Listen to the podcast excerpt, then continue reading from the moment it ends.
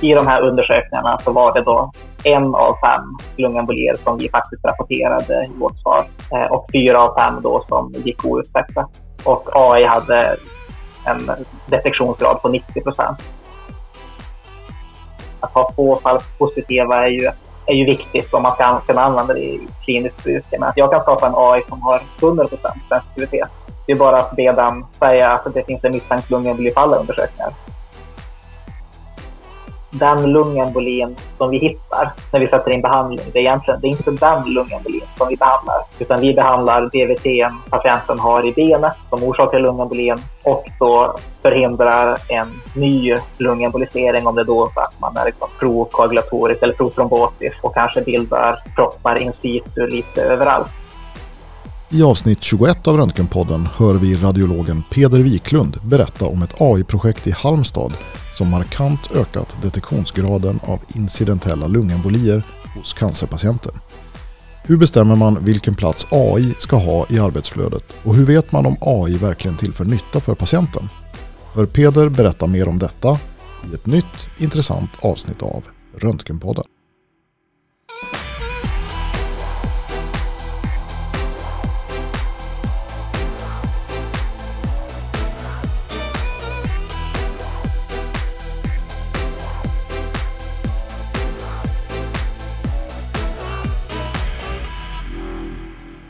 Då var det dags igen Per, hej på dig!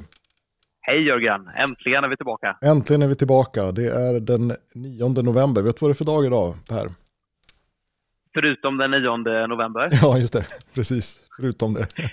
ja, det är inte Gustav Adolfsdagen, det är inte röntgensjuksköterskans dag och det är inte min födelsedag. Det är Nej. de dagar som har varit nyligen. Nionde just vet jag faktiskt inte. Nej, jag tänkte mest eftersom det var röntgensjuksköterskans dag eh, som det kallas i Sverige. Fast det sen när jag la ut en post om det här på, på Instagram, då kom det lite synpunkter på att det skulle lika gärna kunna vara radiografins dag eller radiologins dag och så, det kallas lite olika. Men om det var, om det var då igår den åttonde, då måste det vara annandag röntgensjuksköterska idag, tänkte jag.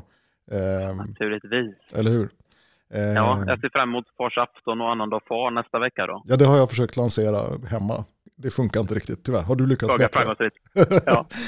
Ja, all right. Nej, men eh, kul att vara eh, i poddsvängen igen och att få eh, byta några ord med dig. Det har ju hänt eh, lite grejer sen sist. Ska vi summera det lite snabbt kanske?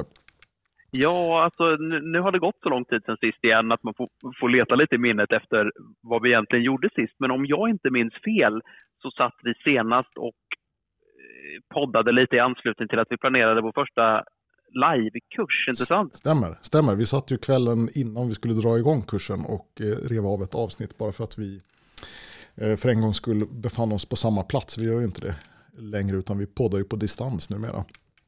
Eh, så att, ja, men sen dess så har vi ju kört då den tredje upplagan av kursen i basal akutradiologi på plats här i Eksjö med 40 deltagare. Jättekul var det att vi fick till en, en fysisk kurs och kul att träffa så många ambitiösa kollegor från runt om i landet, tycker jag. Och idag har vi eh, planerat att avsnittet till stora delar ska utgöras av en intervju eh, ännu en gång. Alltså jag tycker vi har kommit igång rätt bra med att hitta allehanda gäster till vår podd, inte sant? Ja, absolut. Och det här var ett väldigt spännande ämne och gästen är eh, en person som du känner eh, sen tidigare och eh, i vanlig ordning så kommer väl gästen att få presentera sig lite eh, själv. Men du kan ju berätta lite vad du känner till om, om Peder som han heter som vi ska intervjua. Ja, bortsett från att han är en eh, jättetrevlig radiolog från Halmstad så, så vet jag att han har eh, intresserat sig för det här med AI under ganska lång tid och eh, håller till den biten i Halmstad, de har eh, gått in hårt i det här med, med AI vad jag förstår och nu har han hittat ett specifikt projekt som han har eh, fått en vetenskaplig artikel publicerad om som, som låter väldigt intressant helt enkelt. Jag har ju som du vet tidigare varit eh, eh vad ska jag säga, försiktigt skeptisk till, till eh, AI eftersom jag inte har hittat så många applikationer som jag tycker har hjälpt mig i den kliniska verkligheten än. Men det här, eh, det här verkar vara ett exempel på motsatsen potentiellt, det tycker jag. Ja, precis. Och jag eh, fick ju höra talas om den här studien inför röntgenveckan som vi eh, eh besökte. Och eh, vi, vi, var ju till och med på jakt efter eh, en demonstration av den här programvaran eh, som eh, Peder hade använt sig av. Då, men vi lyckades inte riktigt få till det där. Eh, så därför ska det bli väldigt intressant att höra Peder berätta lite mer om det, tycker jag. Men eh, jag kan säga så mycket att det som jag läste där, jag eh, missade ju tyvärr Peders egen presentation, men det jag har läst om, om det här projektet tycker jag låter väldigt intressant och eh, lovande. Så att eh, Eh, jag vet inte, vad säger du? Ska, det är väl kanske lika bra att gå rakt på sak och ta... Ja, vi släpper in Peder i mötesrummet helt enkelt. Ja, det gör vi.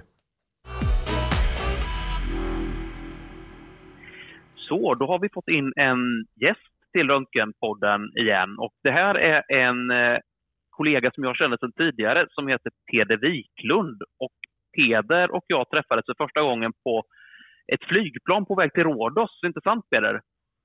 Mm, ja, det stämmer det var sju och ett halvt år sedan och vi skulle ner till Karolinskas MR-kurs där. Och eh, ja, vi började prata på planet och, och vi fortsatte prata på den eh, veckan och vi har inte slutat än, håller jag på att säga. Det visar sig att vi båda har gemensamma bekanta och att du bor där vi har sommarstuga och så att säga resten är historia. Men, men det är inte därför du är här idag, utan nu är du här som ett intervjuoffer i Röntgenpodden. Välkommen som sånt också.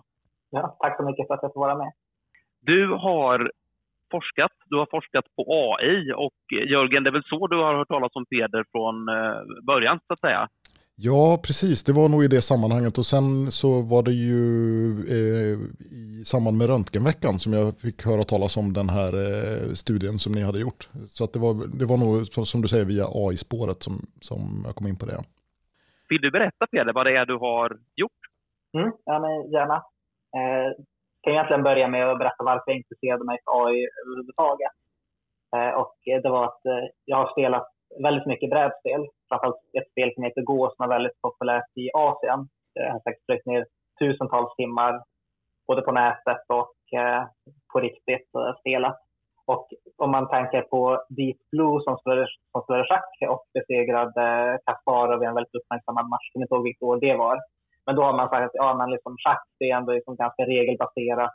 Gå, det är mänsklig intuition. Där kommer datorerna aldrig att bli bättre än människan. Sen så har man flyttat gränserna, men man har alltid sagt att det är minst tio år bort, kanske aldrig. Och sen 2015 så var det ändå så att en dator vann över en av de bästa gåproffsen. Och då var det ändå bara så att för något år tidigare så hade jag ändå slagit de gådatorer som fanns på marknaden. Och på den korta tiden så var det ju så att helt plötsligt så var människan underlägsen, men datorerna är överlägsna. Och då tänkte jag att min egen framtidsspaning då, det var att men det här kommer i andra områden också. Och sen började man prata om big data eh, och kände att ja, men det här måste jag lära mig mer om. Så jag hade möjligheten att gå den här AI-kursen som AIBA anordnade i Linköping eh, kände lite grann att men, mystiken lättnade, att det var inte så komplicerat ändå som det var. Eh, var med på en AI showcase-dag där det var flera olika företag som, som presenterade sina AI-produkter i Linköping och som beskrev lite grann de olika kliniska problem som de hade en produkt som de kunde hjälpa till med. Eh, och då var det ett, ett företag som hade just för lungemboli och instrumentell lungemboli som det kändes som att, att som vi fastnade för. för. Det är ju ett kliniskt problem som vi känner igen oss i, i Halmstad och i Halland. Och det är det projekt som jag, som jag sen har gjort. Då. Det, det kliniska problem som vi ville ha hjälp med det var ju att vi varje år i, bara i Halmstad har tusentals undersökningar på patienter med cancer, både kontrollundersökningar och utredningar. Och vi vet om att i några få procent av fallen så finns det då lungemboli som man inte hade misstänkt kliniskt, alltså incidentell lungembolism. Och det är ju ett viktigt, viktigt kliniskt fynd. Vi kommer komma in på studien i detalj, men du har redan lagt ut en massa intressanta trådar som jag tänkte förtjänar en uppföljning redan här i samtalet. Det här med AI mm. som fenomen bland annat är väldigt, väldigt spännande. Eh, jag känner det här med Go-spelarna, det är lite tvärtom mot hur det har varit i den medicinska världen. För här har det varit mycket prat om att snart är vi förbisprungna, men min ja. känsla har i alla fall ännu inte varit att vi är på väg dit. Men, men det kanske är så att man ska akta sig lite då? jag vet som att det är många som tar den här äh, analogin med AI som ett eh, rusande tåg. Att man tänker att ja, men du står på perrongen och så säger, så säger man att ja, men, AI nu, den, den, det är fortfarande i fjärran. Liksom. Det, det, den håller på att bli bättre, men den är inte lika bra som oss. Och sen så kommer tåget in till perrongen, men det stannar inte. Det bara liksom fortsätter förbi. Och så den period på något sätt där man är lika bra som en AI är väldigt kort. För sen så, så fort man har kommit på den teknik som tränar en AI för att bli lika bra som människa, varför kan man inte använda det för att göra den ännu bättre än en människa? Eh, men jag tror att det stora problemet där, varför, varför kan man få en AI att bli bra på spel, det är för att alla regler är kända. Eh, vi vet precis hur vi ska använda AI för att få maximal effekt. Men eh, på samma sätt, det finns ju hundratals olika AI-lösningar där man visar att ja, men AI är minst lika bra som en mänsklig radiolog eller en mänsklig expert oavsett vilket område man pratar om. Men däremot att få in AI, vad ska AI fylla för roll i ett arbetsflöde? Det är nog ofta liksom den viktigaste frågan. Det vill säga att det kanske inte spelar någon roll hur bra AI är på att identifiera typ av hjärntumör om du inte kan få in det i ett arbetsflöde där den faktiskt gör liksom patientnytta. Eh, som, som hos oss till exempel. Man skulle jag ha nytta av en AI som kan karaktärisera en, eh, en nyupptäckt hjärntumör? Kanske inte. Så jag tänker att men så fort jag identifierar att det här är med stor sannolikhet en hjärntumör så kommer man att behöva biopsera den. Så att om jag kan säga med 95 procents säkerhet att det är den här typen av tumör, det kanske inte spelar någon roll i det arbetsflödet. Det blir ingen vattendelare i, i alla fall. Nej, precis. Men att kanske då ha en AI som inte fungerar, som presterar ganska dåligt, den hittar hälften av patologin som den letar efter. Men att den fyller ett väldigt tydligt hålrum, det vill säga att den triagerar undersökningar. Den säger att men, de här fem undersökningar bör du titta på först under en arbetsdag. Men tre av dem var fel. Det var liksom ingenting på dem. Det var liksom en felaktig flaggning. Men på två av dem så fick patienten en diagnos två veckor snabbare eller en vecka snabbare beroende på vad man har för generella svarstider. Den dåliga AI fyllde ju en viktig funktion i ett arbetsflöde. Och det är som att var sätter man in AI för att den ska göra mest nytta och vilket kliniskt problem är det du försöker lösa? Men det, det, är också lite intressant och det leder mig fram till den andra frågan. För det här tillvägagångssättet du beskriver, det känns lite som lösningen före problemet. Alltså att ni som representanter för sjukvården, ni åker till någon form av utbildning eller mässa och där finns det företag som har tagit fram olika produkter så att säga. Eh, och så tittar ni på vad det finns för produkter. Var, var, kommer de ifrån? Har de börjat som företag eller har de börjat på uppdrag för andra sjukvårdshuvudmän? Eller hur, hur liksom uppstår de här tillverkarna? Jag tänker mig att för de flesta av dem så finns det ändå en medicinsk idé i botten. Att man har sett ett kliniskt problem som man känner att här kan vi göra en lösning som underlättar livet för ofta då nu radiologer i och med att det är liksom den största marknaden. Det är som bäst träningsdata. Eh, men, men det är ju väldigt olika. Alltså det är en, en AI-lösning kanske fungerar jättebra i ett visst sammanhang men inte alls lika bra i ett annat sammanhang. Så det kan ju vara att men, kommer man från ett land som har en viss typ av screening eller man har liksom, man får pengar om man gör vissa typer av undersökningar, men då kanske det är det ger väldigt mycket stöd att skapa en AI för ett visst problem. Men sen försöker överföra det till ett annat land som inte alls är uppbyggt på samma sätt och helt plötsligt så fungerar inte den AI i ett arbetsflöde på samma sätt. Men ofta så handlar det om att det är ju jag tycker det är viktigt det här med liksom att, vad är det för kliniskt problem som du vill lösa. Men däremot så behöver det inte nödvändigtvis vara någonting som du som har liksom kommit från dig själv eller från din egen verksamhet. Att jo, men jag åker till mästaren för att vi har det här kliniska problemet som vi vill ha hjälp med. Eh, det kan ju också vara så att de här AI-företagen presenterar ett problem som man kanske själv inte har upplevt. Men när man väl hör om det så är det ändå viktigt att man känner igen sig i situationen är det här någonting som vi skulle ha nytta av?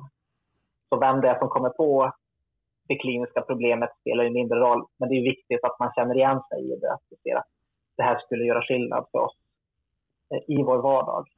Hur, hur var det i fallet med den här eh, studien som, som vi ska diskutera nu? Var det eh, ett område som ni hade identifierat eh, som eh, något där AI skulle kunna vara till hjälp eller var det på initiativ från produktutvecklaren?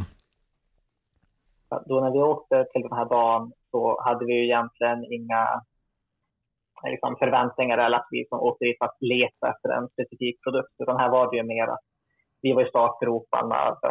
Vårt huvudmål var egentligen att vi vill testa en AI-lösning. Hur fungerar det rent praktiskt att lösa allt det liksom, juridiska, det tekniska. Eh, och sen så var vi ju intresserade av att hitta en, en produkt som också kan hjälpa oss med någonting där vi kände att det här kan göra skillnad. Så I det här fallet var det ju att var de, de, företaget som presenterade sin vision av hur deras produkt skulle kunna passa in i ett arbetsflöde. Och, men, men det resonerade hos oss. Vi kände, vi kände igen oss i den här situationen. Det här är ett problem som vi behöver hjälp med och som, där AI kan göra skillnad. Eh, medan många av de andra företagen också hade intressanta lösningar. Men det kändes mer som att de vill att man men, använd vår produkt för då blir ni ännu bättre på det ni gör. Eh, I det här fallet så var det ju att använd vår produkt för vi kan eh, bygga ett nytt patientflöde för den här gruppen patienter. Det vill säga snabbare diagnos, snabbare behandling. Och sen påbörjade du ett väldigt gediget och vetenskapligt inriktat arbete med den här applikationen, Intressant? Mm, ja, precis. Och det är ju en, eh, en AI för lungembolidiagnostik.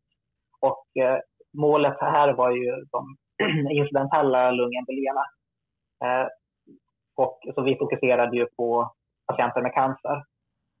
Vi hade ju en Eh, period på tre månader där vi skulle få en ordentlig chans att prova oss fram till hur fungerar produkten i ett liksom, kliniskt arbetsflöde.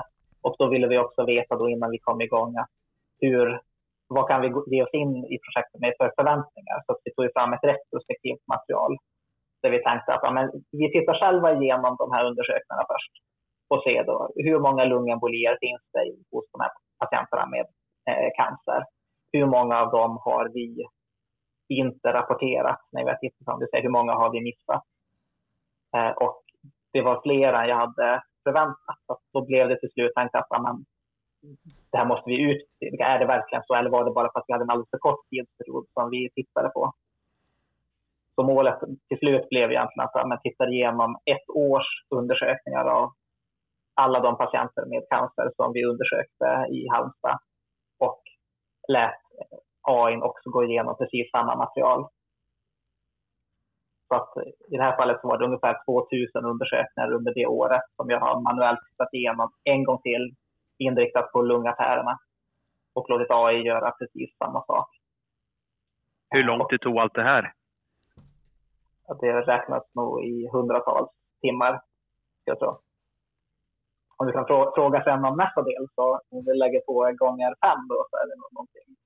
Ja, vi ska, komma, vi, vi, ska komma in i den studien också, men jag tänker vi ska, vi ska suga musten ur den här väldigt intressanta studien först. Jag läste igenom den precis innan intervjun och har väl siffrorna, och, och, åtminstone de ungefärliga siffrorna i minnet. Men jag har för mig då att av de här lungembolierna hos patienter där diagnosen inte specifikt efterfrågades så var detektionsgraden eh, förhållandevis låg. Var det var, var femte lungemboli ungefär som, som identifierades av så att säga, den vanliga granskaren? Mm, så att av de här 2000 undersökningarna, så i 4% av fallen, så var det 75 undersökningar, så fanns det ett eh, lungembolism som man då inte hade misstänkt kliniskt. Indikationen för de här undersökningarna var i samtliga fall då kontroll av cancersjukdom eller då utredning av cancersjukdom. Eh, och i de här undersökningarna så var det då en av fem lungembolier som vi faktiskt rapporterade i vårt svar. Eh, och fyra av fem då som gick oupptäckta. Och AI hade en detektionsgrad på 90 procent. Den hittade 68 lungembolier av de här. Eh, och mer som förväntat kan man tänka sig att ja, men det var ju de, de, de, de stora lungembolierna. Eh, det är de som vi hittade, de som vi rapporterade och de mindre lungembolierna var det de som vi hade missat. Men däremot för man delar ju in lite grann men de subsegmentala lungembolierna, segmentala lobära och centrala lungembolier. Eh, en förväntning var kanske, jo, ja, men det är väl att vi missar subsegmentala lungembolier. Hur stor klinisk relevans är det för flera av dem? Men när, jag sen, eh, när vi sen då graderade på vilken nivå och hur många lungembolierna det var hos varje patient, var det då mer än hälften av de här missade fallen var på segmentell eller mer proximal nivå. Så det var absolut inte bara de allra minsta, allra mest perifera lungembolierna som inte har, ehm, som vi har missat. Det är ju väldigt intressant. Alltså jag tycker sensitiviteten på 90% i sig är ju imponerande. Men det som verkligen fick mig att höja på ögonbrynen här var ju den ringa mängden falskt positiva fynd. Nu har jag inte mm. djupdykt lika mycket i det här AI-området som du har Peder, men de applikationer jag har testat tenderar ju att förvisso hitta mycket, men också ropa varg väldigt ofta. Men så var inte fallet här, eller hur? Tre falskt positiva. Mm, det var väldigt, väldigt få fall. Så det var, jag var väldigt imponerande. För det är ju att, att ha få falskt positiva är ju, är ju viktigt om man ska kunna använda det i kliniskt bruk. Men att jag kan skapa en AI som har 100% sensitivitet. Det är bara att be den säga att det finns en misstänkt lungembolie på alla undersökningar. Eh, men specificiteten, liksom hur många liksom, av dem som inte har lungemboli kommer man att rätt klassificera blir ju lidande. Eh, men så att den fungerar väldigt bra på det. De har ju en del för analys av inriktade lungemboliundersökningar också. Där kunde vi ju se att det var fler falskt positiva. Men då handlar det också om att det är patienter som, som har dysforier, svårare att samarbeta, rörelseartefakter i lungbaserna. Eh, och lite av den känslan är ju att det som är svårt för oss är också svårt för AI. Man har turbulent flöde i lungartärerna, du har rörelseartefakter är dubbelkonturer där det kan se ut som att det finns en, en urspaning i kärlet. Precis. Eh, men alltså, jag vet inte Jörgen, har du testat några AI-applikationer som, som har någon specificitet att tala om överhuvudtaget? Um, nej, alltså det, jag, jag har samma intryck som du ska jag säga dig. Att, eh, det jag har testat är framförallt sådana här lungnoduli-applikationer och, och eh, eh ett tag har jag tittat på mycket CT-kolon, eh, sådana här programvaror då, som letar efter polyper i, i, i eh, tarmen. Och eh, precis som du säger så har de en tendens att varna för väldigt mycket så att man får upp en lång lista med potentiella fynd som man sen måste gå igenom och, och blir det liksom eh, eh, för känsligt då slutar det med att man inte använder funktionen helt enkelt för att det går fortare om jag tittar själv från början och, och bestämmer än att jag ska liksom dubbelchecka något som oftast är fel. Det, det skapar mer irritation så det är precis som du säger Peder att man måste ju kalibrera känsligheten eh, så att det blir användbart för, för den som sitter och, och liksom ska, ska dubbelkolla att det stämmer. Eh, så att det inte blir hundraprocentigt rätt, det, så det kan man förstås inte sträva efter, men det får inte vara allt för mycket fel för att då tappar det snabbt eh, värdet i det praktiska arbetet tycker jag. Jag kommer ihåg en klassisk tentafråga på läkarprogrammet, alltså på grundutbildningen. Vilka kriterier ska vara uppfyllda för att det ska vara meningsfullt att screena för en sjukdom?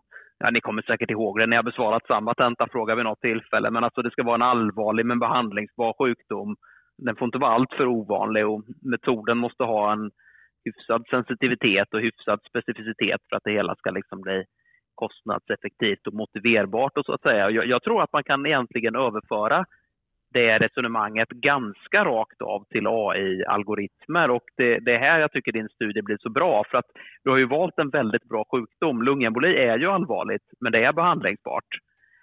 Och i och med att jag hittat den här programvaran som har en så god sensitivitet och dessutom en sån utmärkt specificitet. Först då når man ju så att säga fram med det här AI som jag innan inte har, vad ska jag säga, sett värdet av på något sätt. Så att det är väldigt kul tycker jag. De här siffrorna är ju bra. Men om det, om det bara är det som man har nytta av det, då finns det också liksom, fler lösningar man kan göra. här kan man också tänka var ska vi lägga in den här lösningen för att den ska göra maximal nytta? Mm. är det bara liksom, är det detektionsgraden, vill vi hitta fler? Är det bara det vi vill ha? Eller kan vi göra någonting annat? Och, och det kan vi ju med den här lösningen. Ja, och jag tyckte spontant när jag hörde om det här första gången att det, det lät ju som ett väldigt välvalt område. Och jag tycker när jag läser studien så, så bekräftar det den känslan. För att, eh, att man bara, bara inom citationstecken rapporterade då 20% av de incidentella lungembolier som faktiskt fanns. Det beror ju inte på att de var svåra att hitta. För du hittade ju dem sen när du satt och tittade efter just det. Eller hur? Utan det var ju för att på de här onkologkontrollerna då tittar man ju efter lungmetastaser eller eh, körtelförstoringar eller eh, pleuravätska och så. Och, och de, de lungembolier som man ser, det är de stora som hoppar upp och biter en när man ändå skannar av lunghilus ungefär. Om man inte liksom kommer ihåg att specifikt titta efter lung, just lungembolier också. För jag, den här applikationen skulle ju säkert inte alls ha samma värde om man körde det på akuta pulmonalis angiografier där man frågar efter lungembolier. För det är inte så att ni missar de som finns där eftersom det är det man tittar på där. Utan där skulle man väl snarare ha nytta av något program som kanske letar efter skelettdestruktioner eller lesioner i de delar av levern som kommer med. Eller alltså sådana grejer som man, som man lätt glömmer att titta på på den typen av undersökningar för att fokus är ett annat så att säga.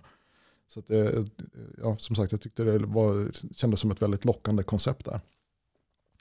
Mm, men jag tycker det är bra att du tar upp det också, för att det är ju lite de, vad är det för någonting man vill att AI ska göra? Och det här med inriktade lungemboliundersökningar, det är ju ett exempel på att om vill vi ha AI för att leta lungembolier, då är det att vi vill att AI ska göra oss ännu bättre. Och, men jag har flera exempel på att när, vi, när AI faktiskt hjälper oss även där. Men däremot skulle jag nog säga att, att om vi har på de incidentella lungembolierna går från att vi upptäcker en på fem eller en på fyra, så helt plötsligt så upptäcker vi 80-90 procent av alla. Så på lungemboliundersökningar så är det säkert att vi redan hittar 90-95 procent av lungembolierna.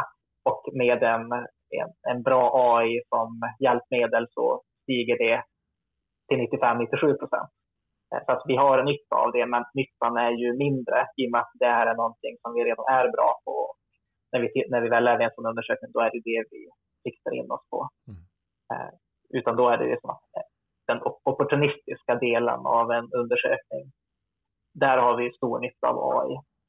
Men väldigt stor andel av undersökningarna vi tittar på eh, nu för tiden har ju bifynd eftersom så att säga, CT är en metod där man ser det mesta helt enkelt och det mesta undersöks med CT eller MR.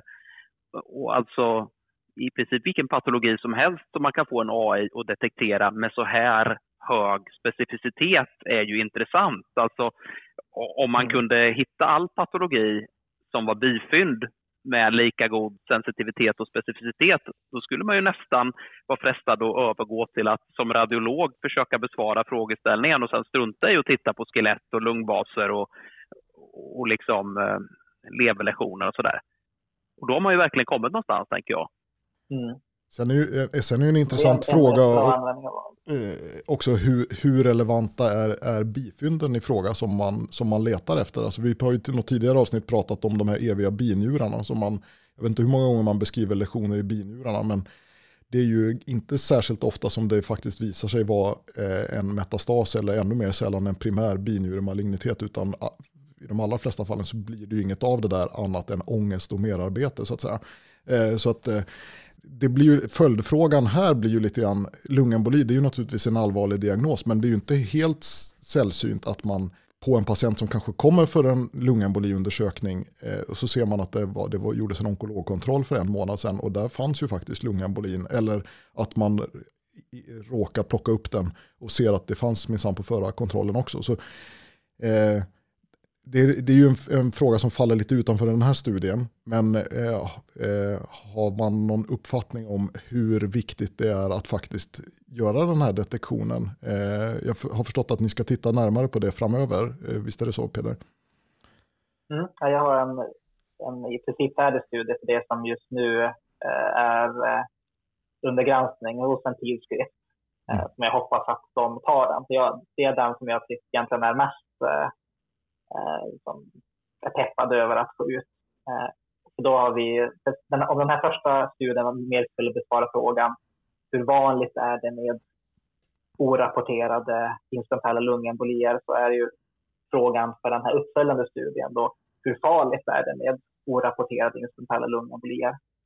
Så då istället för att gå igenom 2000 undersökningar så har vi gått igenom över 9000 undersökningar och då också med hjälp av AI. Kändes tröstlöst att gå igenom 9000 undersökningar själv. Men jag tror att han, han går igenom ungefär hälften av det eh, och det räckte gott och väl.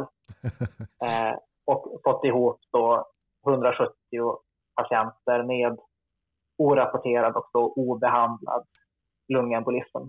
Och så har jag egentligen följt dem i journalen och i röntgensystemet närmaste året efter den här undersökningen där då jag upptäckt eh, lungembolin och se hur går det för de här patienterna.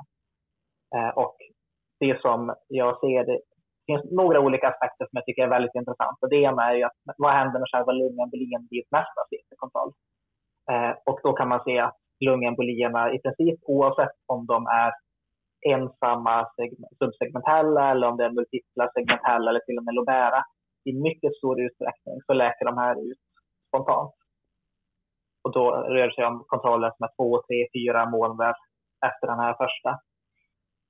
Eh, men däremot så tittar man enbart på de patienterna som har en fullständig utläkning av sin lungemboli så är det ändå över 20 procent som får ett ännu senare recidiv av sin av ny lungemboli eller DVT inom det här året. Så det är fortfarande en väldigt hög risk trots att man redan har bevisat att de läker ut sin första lungemboli.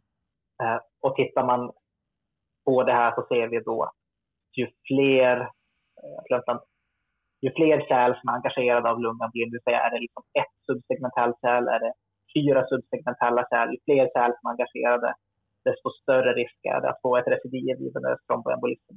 Och risken går ifrån, har du en ensam subsegmentell lungemboli så var det nästan 20 procent som fick ett recidiv inom ett år, upp till om det var 40-50 procent för dem med Lobert eh, lungembolism. Så det är ju väldigt höga siffror. Så det är, så det, det, som, sammantaget så tror jag att men vi gör patientnytta genom att hitta de här, för att de har en väldigt hög risk eh, att, att, få en ny venös tromboembolism. Eh, sen så tittar vi också på risken för att dö. Och det är ju inte så, där var det ingen skillnad. Vi kunde inte se att de som, oavsett hur stor lungembolin var initialt, att de hade en tydligt ökad risk att dö jämfört med kontroller då som inte hade någon lungemboli överhuvudtaget. Eh, och tittar man igen då på de här lungembolierna och funderar på risken med venös tromboembolism så att det var inte så att de här att de kommer in en dag och sen en eller två veckor senare så kommer de in med en massiv lungembolisering. Så att den här risken för ett recidiv mäts nog snarare i veckor och månader än dagar. Så den huvudsakliga poängen här, som jag tänker att men, den lungembolin som vi hittar när vi sätter in behandling, det är egentligen det är inte den lungembolin som vi behandlar. Utan vi behandlar DVT patienten har i benet som orsakar lungembolin och då förhindrar en ny lungembolisering om det då så att man är liksom prokoagulatorisk eller protrombotisk och kanske bildar proppar in situ lite överallt. Men om man nu säger att man lyssnar på Röntgenpodden och så tycker man det här låter ju jättespännande. Är det, är det bara att ladda ner den här eh, applikationen likt en app på min sons iPad? Eller hur, hur mycket förberedelse krävs det för en klinik som så att säga ska börja applicera resultatet av den här forskningen och, och, och köra den här programvaran själv så att säga? Jag tror att det finns ju flera olika eh, barriärer man måste, man måste ta sig över innan man kan börja använda en, en AI i klinisk rutin. Och det är ju mycket med GDPR, med patient, liksom patientdata. Hur hanterar man det på ett korrekt sätt? Eh, och då handlar det ju lite mer om att, hur, att många av de här tjänsterna är ju molnbaserade. Så då tar vi ju patientdata och sen så skickas de någon annanstans. Så att i vårt fall så har vi ju gjort en rätt gedigen konsekvensutredning med hjälp av någon eh, dataskydd eh, här i Halland och vår eh, IP-avdelning för att se vad är det för pseudonymiseringsprocess som, eh, eh, som ska användas. Är den godkänd? Var ligger molnservrarna? Eh, hur skickas informationen tillbaka? vad, vilka portar ska man öppna för att få skicka data in och ut. Eh, och nu börjar jag vara ute på väldigt djupt vatten här och så. Men det, det är liksom de rubrikerna över sakerna som har diskuterats. Eh, jag har fått liksom, sitta ned och lyssna och eh, inte förstå så mycket. Men till slut så är man ju i mål och tänker att men nu är det grönt ljus, nu är det bara att köra igång. Och då är det fortfarande liksom att sätta i ordning med IT. Att, men hur, hur skickar vi bilderna? Varifrån ska de skickas? Är det direkt från modalitet? Är det från pack? Hur tar vi emot svar efteråt? Eh, men ofta så är ju alla AI-företag vet ju att det här är ett jättestort hinder att börja. Så att de brukar ofta ha rätt mycket resurser avsatta just för att göra den resan så enkel som möjligt. Problemet är ju ofta då att går man till ett företag och säger att ja, men vi vill använda elprodukt. Eh, då får man göra den här resan. De här portarna ska öppnas och vi kommer överens om den här kompensationen om någonting går fel på er ända eller vår ända. Eh, och så skickar man det fram och tillbaka tills man är nöjd. Och sen kommer man på att ja, men den här andra lösningen som det här företaget har, den vill vi också ha. Då skulle man ju gärna vilja säga att ja, men vi, vi har redan gjort det här, så att vi kör väl precis likadant nu också. Nej, det får man inte göra. Utan då får man också göra samma process en gång till. Eh, och tänker att ja, men det kanske man orkar med den andra, men om man har en fjärde, den femte, den sjätte lösningen.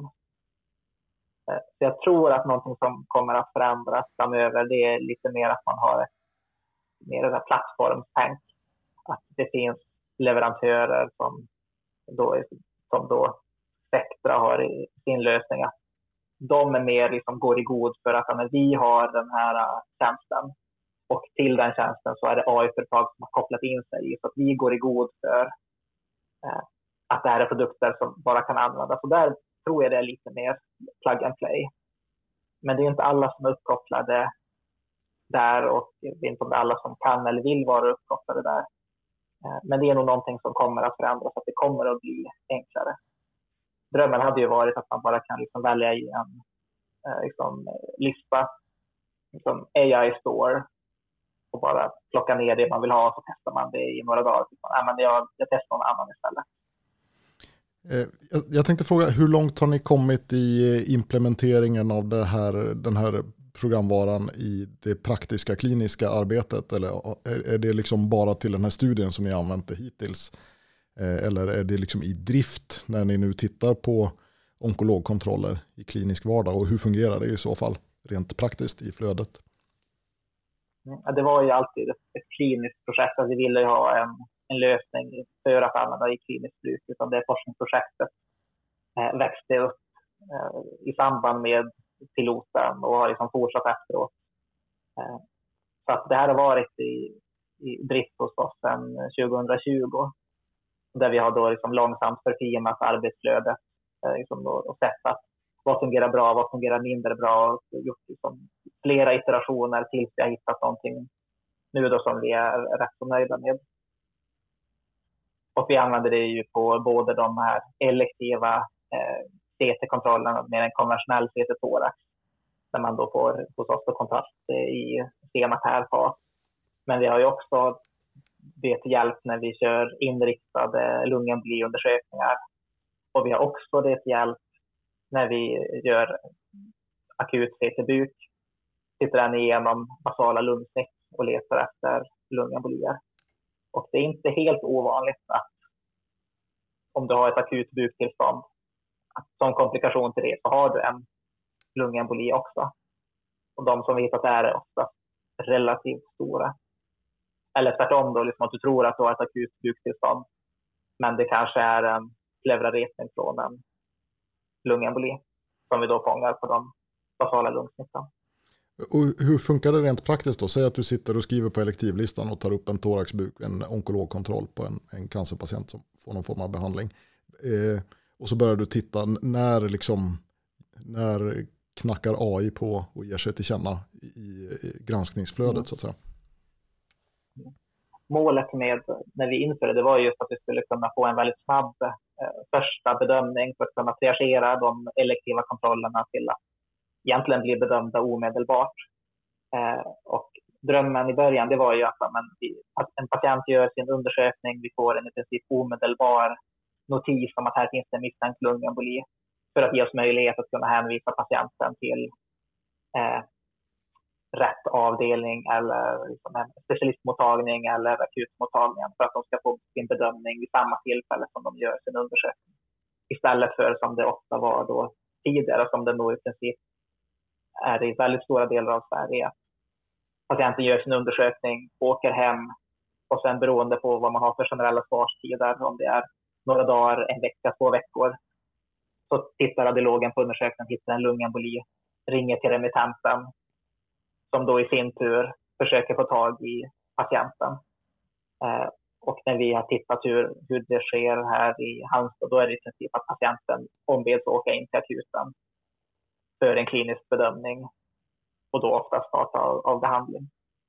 Så vår tanke mer var att det här blir en stor logistisk vinst att kunna göra klart allting vid samma besök istället för det här liksom två olika besök och sen så åker de hem och kanske de kommer tillbaka båda senare till återbesök ändå.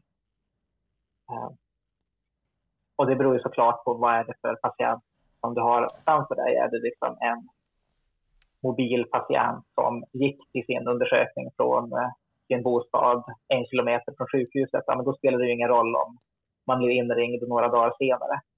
Men om du har en patient från ett eh, som serviceboende eller som kom till sjukhus med färdtjänst så är det ju en rätt stor logistisk vinst om du kan lösa hela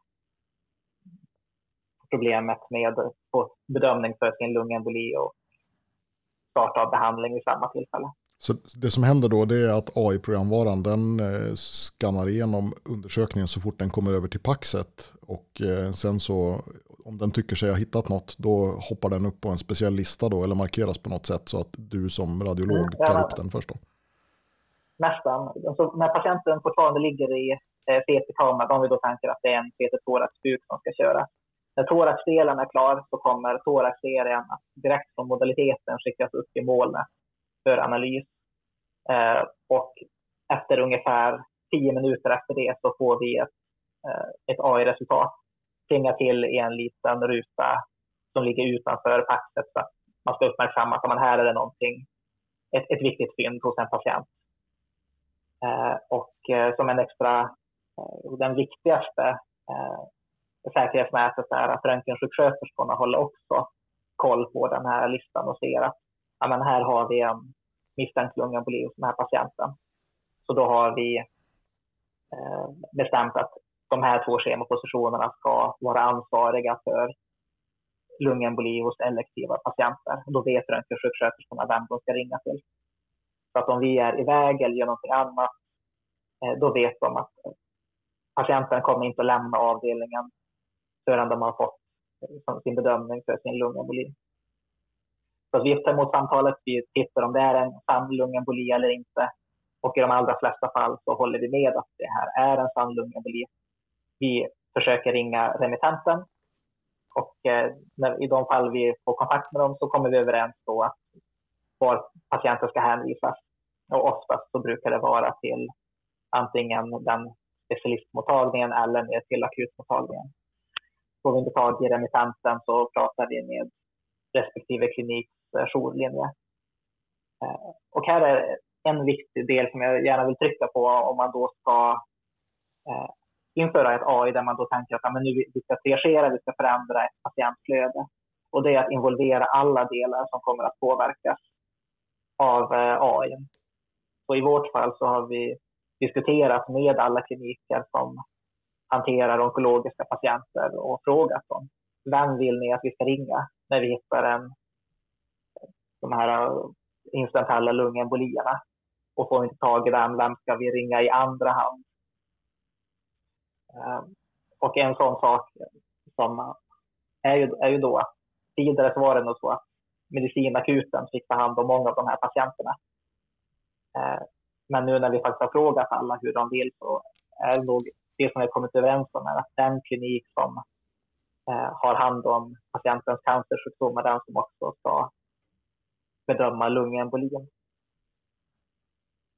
Så det tycker jag är viktigt att, att, att att man är överens med nästa steg i, i flödet. Så att man inte bara liksom, lägger en överraskning att oh, men nu har vi infört det här och eh, vi förändrar ert arbetsflöde också. Utan att man är överens att, att man informerar om hur det är, att man ger dem chans att tycka till. Intressant. Det låter som en väldigt vettig implementering av, av eh, funktionen tycker jag. Det är genialt helt enkelt. Eller vad, vad, säger du Per? Skulle du kunna Nej, tänka dig att bara... liksom jobba med stöd av en sån här funktion? Ja, alltså jag, den här har ju uppfyllt eh, de flesta, eller rättare sagt, den har ställt alla mina vanliga invändningar mot AI-lösningar på skam, nämligen att man ofta kan ha god sensitivitet men usel specificitet. Det, det stämmer inte här. Specificiteten är utmärkt. Den funkar i en klinisk kontext och, och den är liksom väl validerad. Så att eh, nej, jag, jag, jag, jag tackar och bugar höll jag på att säga. Röntgenpodden ger godkänt. ja, någon sorts anti-quench i vår... ja, precis. Precis. Eh, och jag ser att vi har, som eh, ofta blir fallet Peder, när man pratar med dig, sett tiden flyga iväg. Vi har nu 40 minuters intervju. Jag vet inte om du kommer klippa ner det Jörgen, men hur som helst så kanske det börjar bli dags att avrunda. Jag tror det blir svårt att klippa bort eh, särskilt mycket. Jag tycker det har varit ett jätteintressant samtal, så det, det kommer inte bli mycket redigering här, det kan jag säga. Utan det var ett jätteintressant samtal och väldigt roligt att få höra om hur, hur ni har jobbat med det här eh, programmet och eh, implementerat det i verksamheten. Så superintressant tycker jag. Ja, men eh, då säger vi eh, stort tack till dig Peder för att du har tagit dig tid att vara med här i Röntgenpodden och berättat om ert arbete. Jättekul att ha dig med här. Ja, tack så mycket för att jag fick eh, komma och berätta. Ja, Jörgen, så lät det där. Det blev en lång och eh, mustig intervju. Vad tyckte du om det här? Jätteintressant tycker jag. Vad tyckte du? Du som eh, sa dig vara lite skeptisk till eh, AI-lösningar så här innan. Är du omvänd nu? Ja, men alltså, det här är ju ett tydligt exempel på att det faktiskt kan fungera. Jag måste säga att jag är imponerad av arbetsinsatsen som har lagts ner i att föra det här projektet i hamn. Det måste vara åtskilliga timmar, timmars letande av lungembolier. Oh ja. Eh, och det går inte att poängtera nog att just specificiteten är jag väldigt, väldigt, väldigt eh, imponerad av. Och alltså, vad ska man säga, om det är datorer som arbetar och inte människor så är det ju egentligen specificiteten som är intressant, tänker jag. I alla mm. fall när det kommer till bifynd. För att eh, om man tänker sig att sensitiviteten istället hade varit halvdan men specificiteten fantastisk, då hade man ju ändå potentiellt kunnat eh, låta den här AI ganska många undersökningar och sen hade trots allt resultatet varit positivt. Intressant, för det ja. den hittar, hittar den och det, det, det gör nytta. Ja, precis. Jag, menar, jag tycker också det var kul att se eh, att man hade hittat en lösning där AI hade en så eh, liksom väl uttänkt eller välfungerande plats i flödet och verkligen gjorde nytta. För det är just det här med, med lungembolier på onkologkontroller. Helt klart en sak som är lätt att missa och det är ju just sådana arbetsuppgifter där man känner att AI skulle kunna vara till nytta och till hjälp för en själv. Ja, och fortsättning följer också då förhoppningsvis. Vi får väl eh, avvakta resultatet av den här eh, uppföljande studien han hoppades få publicerad, Peder. Ja, absolut. Ja, men det ska bli jätteintressant att läsa det tycker jag. Själva så är vi inte eh, så frekvent publicerade i vetenskapliga tidskrifter, men eh, någorlunda frekvent omnämnda på, på andra sätt. Och nu har det hänt igen, eller hur? Ja, faktiskt. Och vetenskaplig tidskrift är det väl kanske inte, men ändå är liksom en radiologisk, eh, eh vad ska vi kalla det för? Ja, men det är en, en webbsajt helt enkelt. Vi blev ju kontaktade av Ont Mini Europe, som vi faktiskt har nämnt i tidigare avsnitt av podden. Det var ju en av våra tidigare, ett av våra tidigare intervjuoffer som hade fått ett pris av Ont Mini Europe för sitt arbete med MR-säkerhet.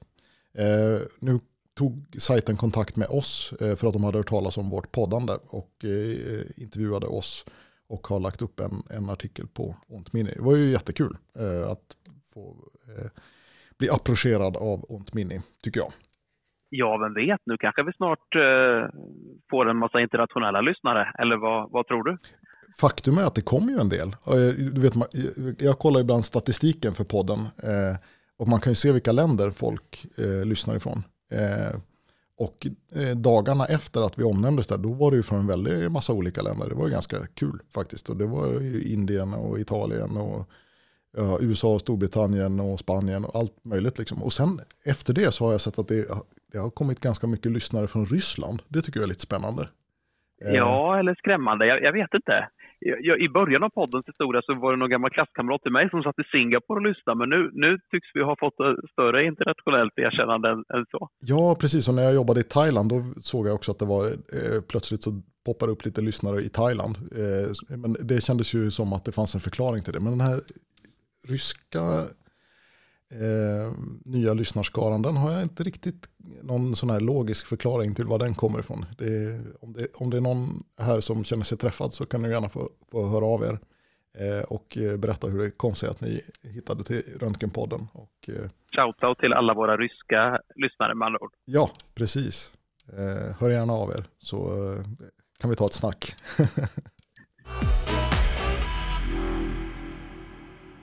Ja du Jörgen, det börjar väl bli dags att, avrunda det här avsnittet. Ja, det känns så. Jag tyckte det var eh, väldigt eh, spännande och eh, kul med Peder som gäst och roligt att prata med honom. Det är som, som du sa, tiden rinner iväg fort när man har kul. så att det är väl hög tid att vi rundar av faktiskt. Ja, men så är det. Men det är kul det här med interaktion. Det är inget fel att prata på tu hand, du och jag, men det är ju lite roligt med, med input utifrån också. Och eh, där har du jobbat mycket på sociala medier. Jag såg nu när det var röntgensjuksköterskans dag så var det många som passade på att återposta det här inlägget du gjorde förra året. Eh, tack till dig som och så var det ett antal eh, extraordinära insatser man ofta kan, kan behöva göra som röntgensjuksköterska och det var en del som kom ihåg även i år. Ja men precis, ja, man får jobba på min influerarkarriär. Går inte så bra för Margot här så jag känner att det är snart en plats ledig. Utanför hennes dörr, eller hur? Ja, ja, det, ja men då, då blir man ju publicerad i alla fall. Så att, det, det kanske är något att fundera på. Nej, men det är ju det är jätteroligt att uh, ha kontakt med lyssnarna och uh, få lite reaktioner. Så att. Ja, men av och till får vi ju förslag och det är alltid kul. Så att eh, vi skickar med det till lyssnarna tycker jag och sen så tackar vi för oss helt enkelt. Ja, det gör vi. Tack för oss och på återhörande.